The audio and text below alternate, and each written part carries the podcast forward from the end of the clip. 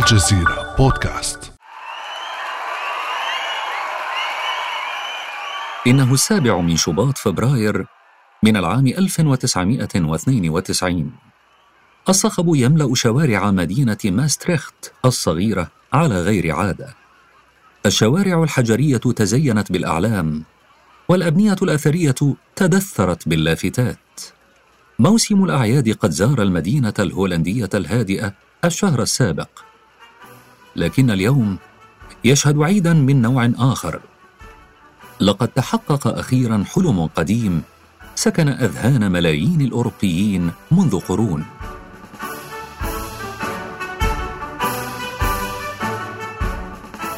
اليوم يجتمع قادة اثنتي عشرة دولة أوروبية على ضفاف نهر ماس ليوقعوا معاهدة للاتحاد فيما بينهم فيما سيعرف لاحقا باسم الاتحاد الأوروبي. لقد كان ذلك ترجمة لعدة عقود من التعاون والعمل المشترك على الأصعدة الاقتصادية والسياسية والإدارية بعد قرون طويلة سادت فيها النزاعات والحروب بين دول أوروبا. اليوم سنعود في الزمن لنتتبع الأحداث والظروف التي قادت الدول الأوروبية للاتحاد وما أعقب ذلك من توسع وتطور ونمو وعقبات وتحديات.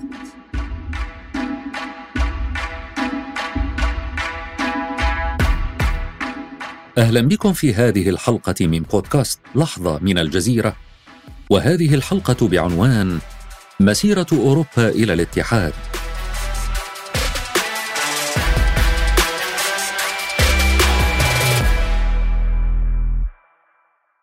مع نهاية العصور الوسطى كانت أوروبا مقسمة إلى أكثر من 500 وحدة سياسية تتصارع فيما بينها على النفوذ. مع مرور الوقت اختفت هذه الكيانات لصالح إمبراطوريات استعمارية عظمى حكمت مساحات واسعة لم تقتصر على الحدود الضيقة للقارة العجوز، بل اتسعت حتى شملت كل أنحاء العالم. ومع بداية القرن العشرين صار عدد دول أوروبا 25 دولة لم تنكفئ عن التناحر. عام 1914 اغتال القوميون الصرب ولي عهد النمسا فرانز فيرديناند في العاصمة البوسنية سراييفو هذا الحدث أشعل حرب الكل ضد الكل أو الحرب الكونية التي ستعرف بالحرب العالمية الأولى التي غيرت حرفيا وجه العالم فتبدل النظام السياسي العالمي وصعد نموذج الدول القومية محولا معظم ملكيات وإمبراطوريات أوروبا إلى جمهوريات. انتهت الحرب في العام 1918 بانتصار دول الحلفاء فاجتمعوا في العام التالي بمؤتمر باريس للسلام ليتقاسموا الغنائم ويحددوا أسس السلام مع المهزومين. أثناء المؤتمر طرح سياسي وتاجر كونياك فرنسي شاب يدعى جان مونيه طرح فكرة التعاون الأوروبي لأول مرة. نوقشت الفكرة من دون أن تحظى بكثير من الاهتمام من قبل الدول المنتصرة، التي أصرت على معاقبة ألمانيا المهزومة وفرضت عليها توقيع معاهدة فيرساي. على الرغم من ذلك، ظل طرح مونييه حاضرا في أذهان المثقفين فنشر الكونت النمساوي ريتشارد فون كودينهوف في عام 1923 كتابه بعنوان عموم أوروبا ودعا فيه للوحدة الأوروبية.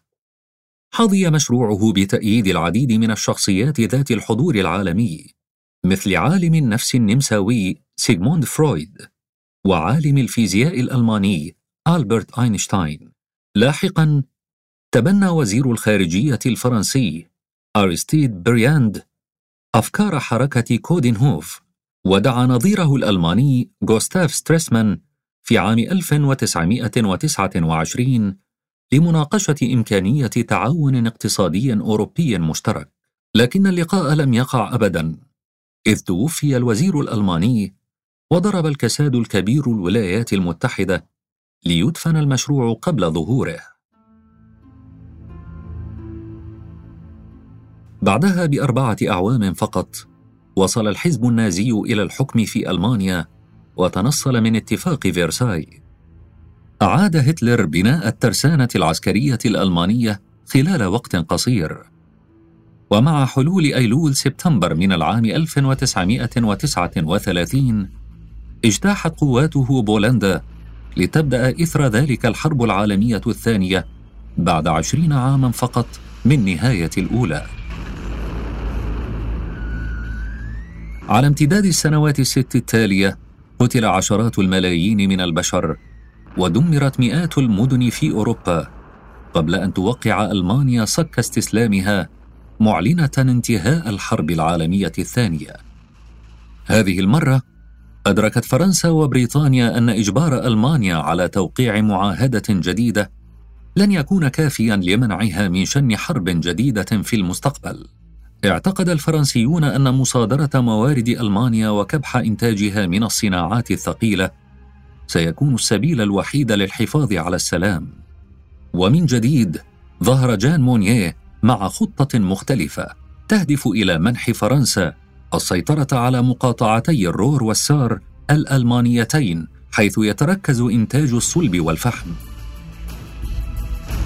تبنت الحكومة الفرنسية خطة مونيه لكنها فشلت في إقناع حليفتها بريطانيا والولايات المتحدة المتوجستين من أن تؤدي إلى توسعة نفوذ حليف آخر وهو الاتحاد السوفيتي. أثار الدمار الاقتصادي الذي خلفته الحرب في أوروبا مخاوف الأمريكيين من انتشار الشيوعية في الشطر الغربي من القارة ولم يجدوا أمامهم حلا آخر سوى التدخل.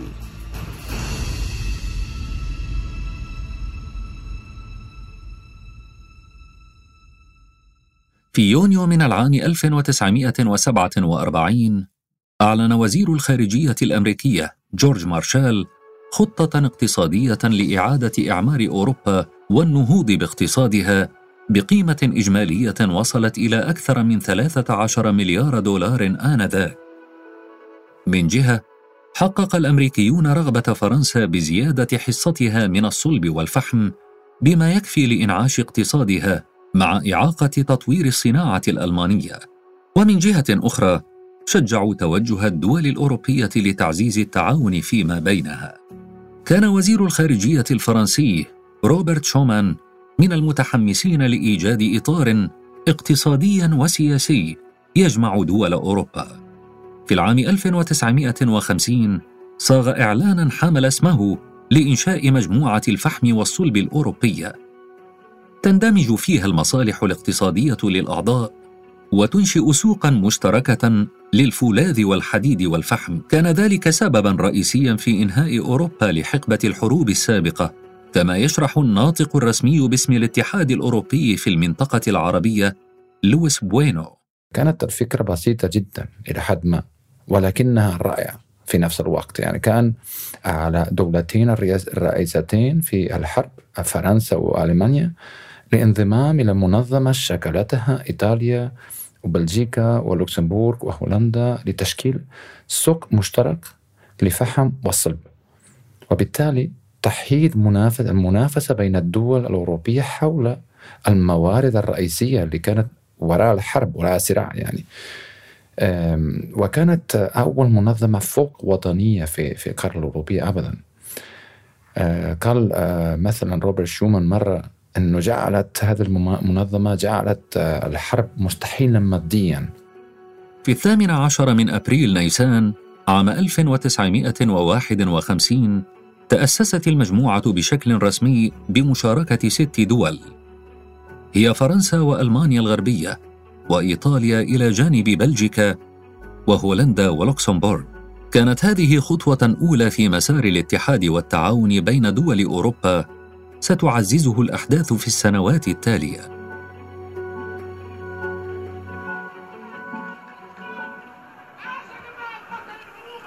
قرار من رئيس الجمهورية بتأميم الشركة العالمية لقناة سويس في تموز يوليو من عام 1956 أعلن الرئيس المصري جمال عبد الناصر من ميدان المنشية في الإسكندرية تأميم قناة السويس واستعادة السيطرة المصرية عليها. بريطانيا وفرنسا اللتان امتلكتا أكبر الحصص في الشركة وجدتا في قرار عبد الناصر استخفافا بهما وبمصالحهما وقررتا التعاون مع إسرائيل للتخلص منه. في تشرين الأول أكتوبر من العام نفسه هاجمت إسرائيل مصر وتبعتها فرنسا وبريطانيا على الرغم من المعارضة الأمريكية والسوفيتية للحرب أغضب ذلك الرئيس الأمريكي أيزنهاور الذي هدد البريطانيين بتقويض قيمة الجنيه الاسترليني مما أجبرهم على الانسحاب. كان إجبار دول العدوان على وقف الهجوم إعلانا بأن فرنسا وبريطانيا خسرتا إلى الأبد مكانتهما لصالح الولايات المتحدة والاتحاد السوفيتي. أثبتت أزمة قناة سويس للدول الأوروبية أن النظام الدولي قد تغير تماما. يعني ظهرت على النحو ما أن المحاولات الأوروبية وخاصة الفرنسية والبريطانية الرامية إلى إبراز قواتهم آه، خارج أوروبا أصبحت الآن متواقفة على آه، على ديناميات الحرب الباردة يمكن نقول أنه هذه الأزمة الأزمة آه، أزمة السويس ساعدت بشكل كبير الدول الأوروبية على التركيز على التكامل المحلي داخل القارة الأوروبية. بالفعل وقعت مجموعة الفحم والصلب الأوروبية في عام 1957 على معاهدة روما التي هدفت إلى توسيع الوحدة الاقتصادية لتشمل قطاعات أخرى. ونتج عن المعاهدة تعاون اقتصادي تحت اسم المجموعة الاقتصادية الأوروبية وأنشأت سوقا مشتركة بين دولها يسمح بحرية حركة البضائع والخدمات ورأس المال وفي العام نفسه تأسست الجماعة الأوروبية للطاقة الذرية بهدف تنسيق برامج البحث الخاصة بالدول الأعضاء ولضمان استخدام الطاقة النووية لأغراض سلمية وبشكل آمن.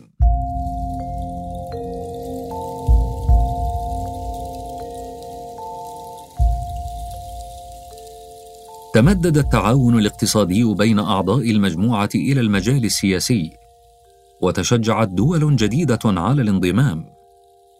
في العام 1985 وقعت الدول الأعضاء على اتفاقية شنغن التي تلغي الحدود فيما بينها وتتيح لمواطنيها حرية الحركة والتنقل.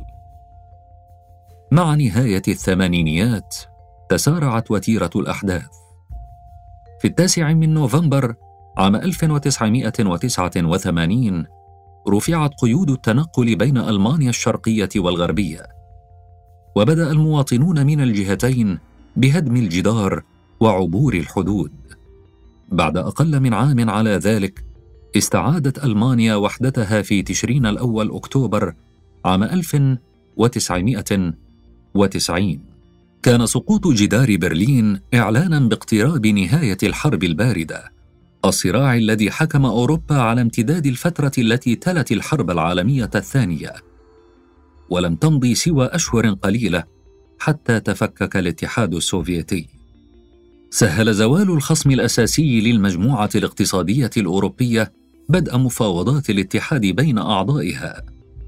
بالفعل وفي السابع من شباط فبراير من العام 1992 وقعت 12 دولة معاهدة ماستريخت لتعلن بذلك رسميا ولادة الاتحاد الأوروبي.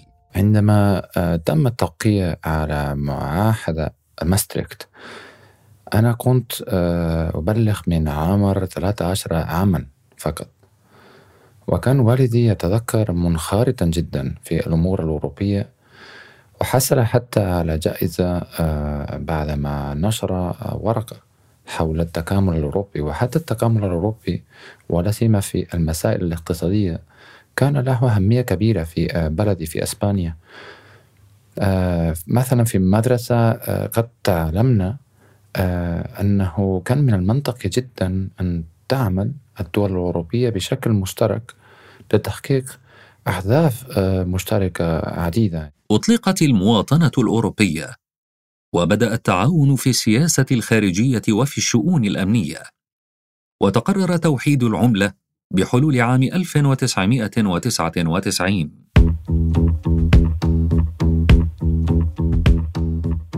أخذ الاتحاد الجديد بالتوسع بسرعة. فانضمت النمسا وفنلندا والسويد في عام 1995 ثم جاء التوسع الأكبر في العام 2004 مع انضمام عشر دول من أوروبا الشرقية.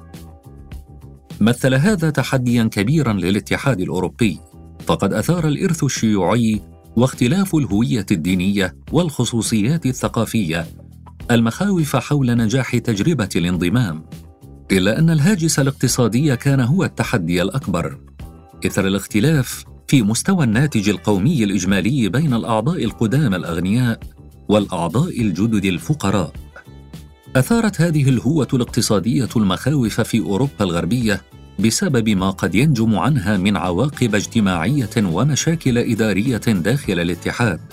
لكن ذلك لم يمنع انضمام المزيد من دول الشطر الشرقي خلال السنوات التالية. كانت آخرها كرواتيا في العام 2013 اليوم وصل عدد أعضاء الاتحاد الأوروبي إلى 27 عضواً مع وجود خمس دول مرشحة للعضوية أقدمها تركيا. بالتزامن مع تأسيسه وتوسعه انبثق عن الاتحاد الأوروبي عدد من الأجسام والمؤسسات أهمها مجلس الاتحاد الأوروبي والبرلمان الأوروبي اللذان يمثلان الهيئتين الرئيسيتين لصنع القرار في الاتحاد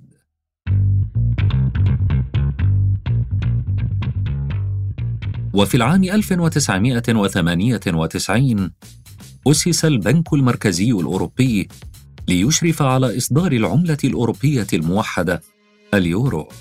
كان الهدف إنشاء نظام نقدي أوروبي قادر على التعامل مع الأزمات النقدية وتقليص اعتماد الدول الأوروبية على الدولار في التبادل التجاري ومع مطلع العام 2002 استبدلت العملات الوطنية في 11 دولة من الاتحاد الأوروبي وبدأ التداول الورقي لليورو.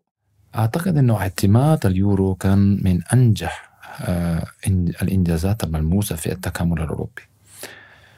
أنا شخصيا أتذكر عندما كنت في ألمانيا مرة آه، قبل سنوات آه، قد استعلمت لأول مرة هذه العملة عملة يورو. لشراء بعض التذاكر البساط يعني والقطاعات كذلك. يعني فجأة كنت أستطيع أن أن أستخدم هذه العملة بأول مرة في في التاريخ أوروبا في أي بلدان يعني ألمانيا فرنسا تقريبا كل القارة الأوروبية. واضح إنه كان إنجاز كبير جدا. ونحن الآن نعزز دور اليورو على المجتمع الدولي. مع تشجيع زيادة استخدام هذه العملة في المعاملات الدولية. اليورو هو الآن ثاني أكبر أو أكثر العملات استخداما على الصعيد الدولي بعد الدولار. مع ذلك كان للأزمة الاقتصادية العالمية التي بدأت في الولايات المتحدة في عام 2008 أثر كارثي على اقتصادات الدول الأوروبية. هدد استمرارية اليورو. ارتفع العجز العام والديون وانخفضت القدرة التنافسية مع زيادة في البطالة.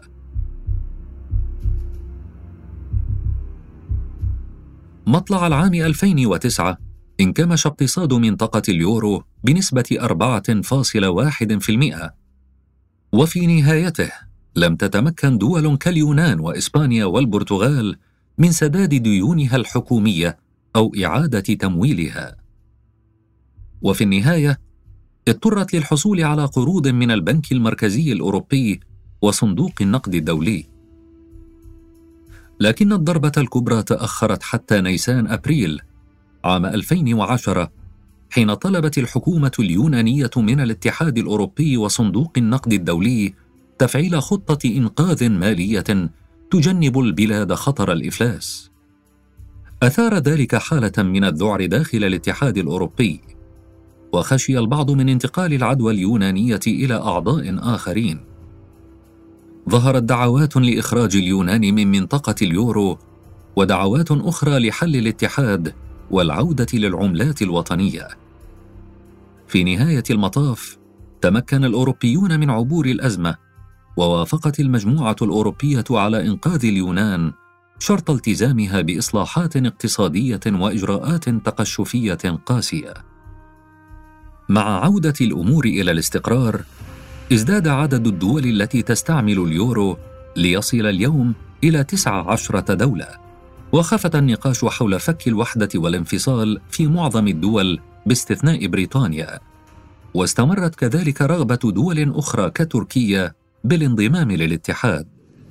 Aslında biz Avrupa'yı test ediyoruz. Yani Avrupa acaba halkı Müslüman olan Türkiye'yi إنه العام 2015 وهذا الرئيس التركي رجب طيب أردوغان متسائلا من جيبوتي هل ستكون أوروبا قادرة على استيعاب وقبول تركيا ذات الشعب المسلم؟ إن كنت تقف ضد الإسلاموفوبيا فعليك قبول تركيا في الاتحاد الأوروبي كان هذا الكلام تعبيرا عن مزاج عام في تركيا. يرى أن اندفاع الأوروبيين للشراكة مع تركيا ورفضهم في الوقت نفسه قبولها كعضو في اتحادهم. سببه هويتها وخصوصيتها الثقافية الإسلامية ولا شيء آخر. أما قادة الاتحاد فيركزون عادة على قضايا سياسية واقتصادية وحقوقية تمنع الاندماج بنظرهم. مع التأكيد الدائم على ضرورة استمرار الشراكة بين الطرفين. كانت تركيا بالفعل عضوا في حلف الناتو وفي المجلس الأوروبي حين وقعت اتفاقية أنقرة بينها وبين المجموعة الاقتصادية الأوروبية في عام 1963 تطورت العلاقات سريعا بين الطرفين ولفترة طويلة بدأ أن التحاق تركيا بالمجموعة الأوروبية مسألة وقت فقط. مع ذلك لم تتقدم تركيا بطلب رسمي للانضمام إلا في العام 1987 دون أن يبت فيه. تبع ذلك توقيع الطرفين في عام 1995 اتفاقية للاتحاد الجمركي. لكن تركيا لم ترفع إلى مقام الدول المرشحة للعضوية حتى عام 1999 امتلكت الدول الأوروبية مخاوف اقتصادية وإدارية وثقافية كبيرة من انضمام تركيا رغم حاجتهم لها. كان ذلك السبب في التأخر ببدء المفاوضات بين الطرفين حتى عام 2005 قبل أن تتوقف في العام التالي نتيجة عدم الاتفاق حول القضية القبرصية من دون أن يوقف تطور العلاقات. إن اقتصادنا مثلا مرتبطة على جميع القطاعات تقريبا والاتحاد الأوروبي أصبحت واحد من أهم شركاء لتركيا في هذه الفترة. وحقيقة هو الآن شريك الأول في الاستيراد والتصدير. وخليني مثلا أعطيك بعض الأرقام في هذا الخصوص. بلغت مثلا صادرات الاتحاد الأوروبي من سلع إلى تركيا إلى قبل عامين مع مع قيمته تقريبا 70 مليار يورو. في حين بلغت الواردات من تركيا 70 مليار يورو كذلك. فالأرقام واضح. والربط قوي جدا أعتقد. وهناك مصلحات متعددة ومشتركة.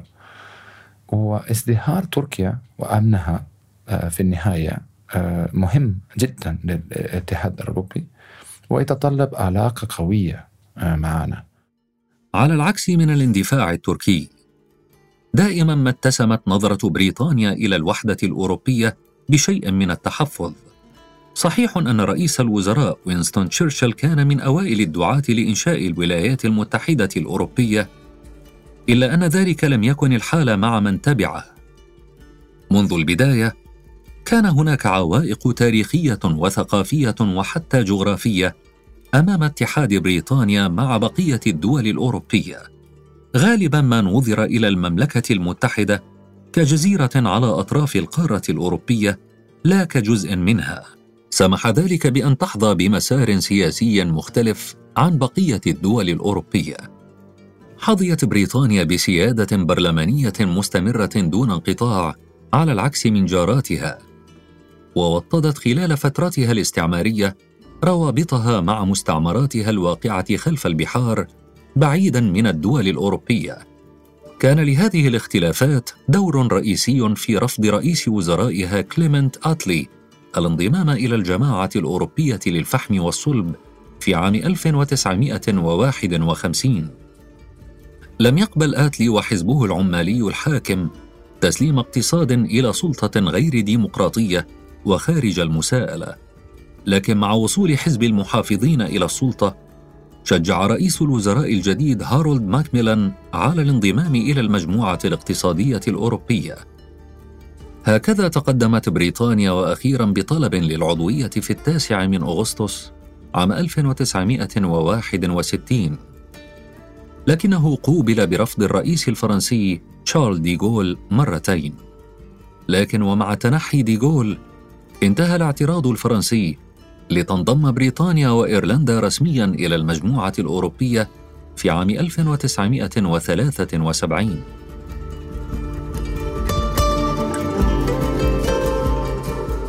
بدت عضوية المجموعة الأوروبية آنذاك وسيلة تمكن الدولة البريطانية من وقف التدهور الاقتصادي وهو ما ثبت صحته في السنوات التالية. على الرغم من ذلك لم يكن البريطانيون الأكثر اندفاعا لتأسيس الاتحاد الأوروبي. وتحفظت الحكومة على بعض شروط معاهدة ماستريخت وامتنعت عن تنفيذ بعضها الآخر ومن بينها استبدال الجنيه الاسترليني باليورو. مع مرور الوقت ازدادت الرغبة بالتمايز عن الأوروبيين لدى فئات واسعة في بريطانيا مع اعتقادهم بأن الاتحاد ينتقص من استقلالية بلدهم. ونتيجة لدعوات نواب حزب المحافظين وحزب الاستقلال البريطاني تعهد زعيم المحافظين ورئيس الوزراء ديفيد كاميرون في بيانه الانتخابي سنة 2013 بإجراء تصويت لإعادة التفاوض بشأن عضوية بريطانيا في الاتحاد الأوروبي وفي الثالث والعشرين من يونيو حزيران عام 2016 أجري الاستفتاء ليفوز فيه مؤيدو الانفصال بعد حصولهم على نسبة 52% من مجمل الأصوات. بدأت إثر ذلك إجراءات الخروج من الاتحاد الأوروبي، وتولت رئيسة الوزراء تيريزا مي ومن ثم بوريس جونسون قيادة سلسلة طويلة ومعقدة من المفاوضات مع قادة الاتحاد الأوروبي. أخيرا وبعد أكثر من ثلاث سنوات وفي تمام الساعة الحادية عشرة من مساء يوم الجمعة الأخير من شهر يناير 2020 قرعت الأجراس في ساحة البرلمان في العاصمة لندن وغنى الآلاف بصوت واحد فليحفظ الله الملك فيما تلتمع الدموع في أعينهم احتفالا بخروجهم رسميا من الاتحاد الأوروبي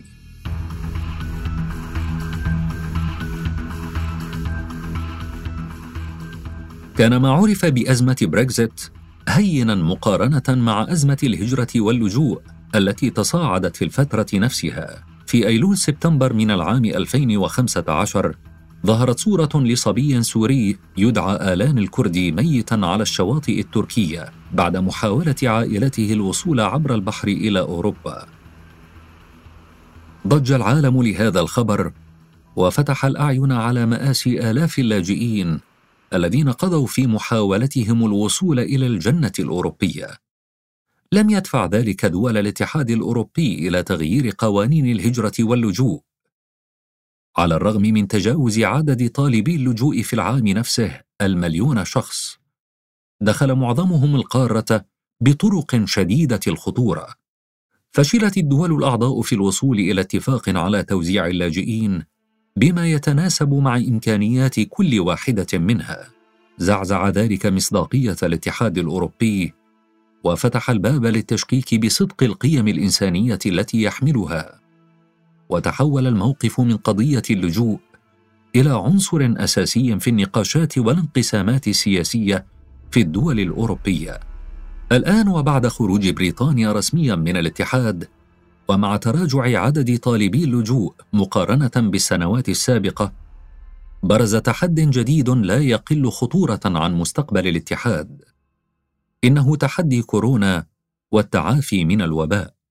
واضح آه، بتقديري إنه التحدي الأكبر الآن هو الوباء وباء كورونا. وطبعا آه، يعني علينا أن نبنى أوروبا بعد فترة آه، كوفيد 19 ف إحنا مسلمون الآن ومتحمسون ممكن نقول على عمل كفريق واحد. يعني ينبغي أن نقول أنه الفريق أوروبا كما نسميه آه، عليه أن يعمل من أجل الاستقرار في جميع القطاعات. آه، واقترحنا آه، في الاتحاد أكبر خطوة أو باكج خطوة مالية على الإطلاق يسوي تقريبا تريليونين يورو لبناء أوروبا أكثر أخضرا يعني أيضا لأنه الأولويتين الرئيسيتين الآن آه، طبعا آه، هي الوباء وأيضا التغيير المناخي. غير الاتحاد الأوروبي وجه القارة ونقلها من حقبة طويلة سادت فيها النزاعات والحروب إلى مرحلة من السلام والتعاون المشترك لتحقيق غاياتها. خلال ثلاثين عاما على تأسيسه اجتاز الاتحاد الأوروبي العديد من الأزمات والعقبات لكنه اليوم يقف أمام تحديات جديدة من الهجرة إلى التغير المناخي وتبعات البريكزت وصولا إلى جائحة كورونا. فهل سينجح قادة أوروبا بعبورها كما في السابق أم أنها ستسبب تصدعا في بنية الاتحاد وهيكليته؟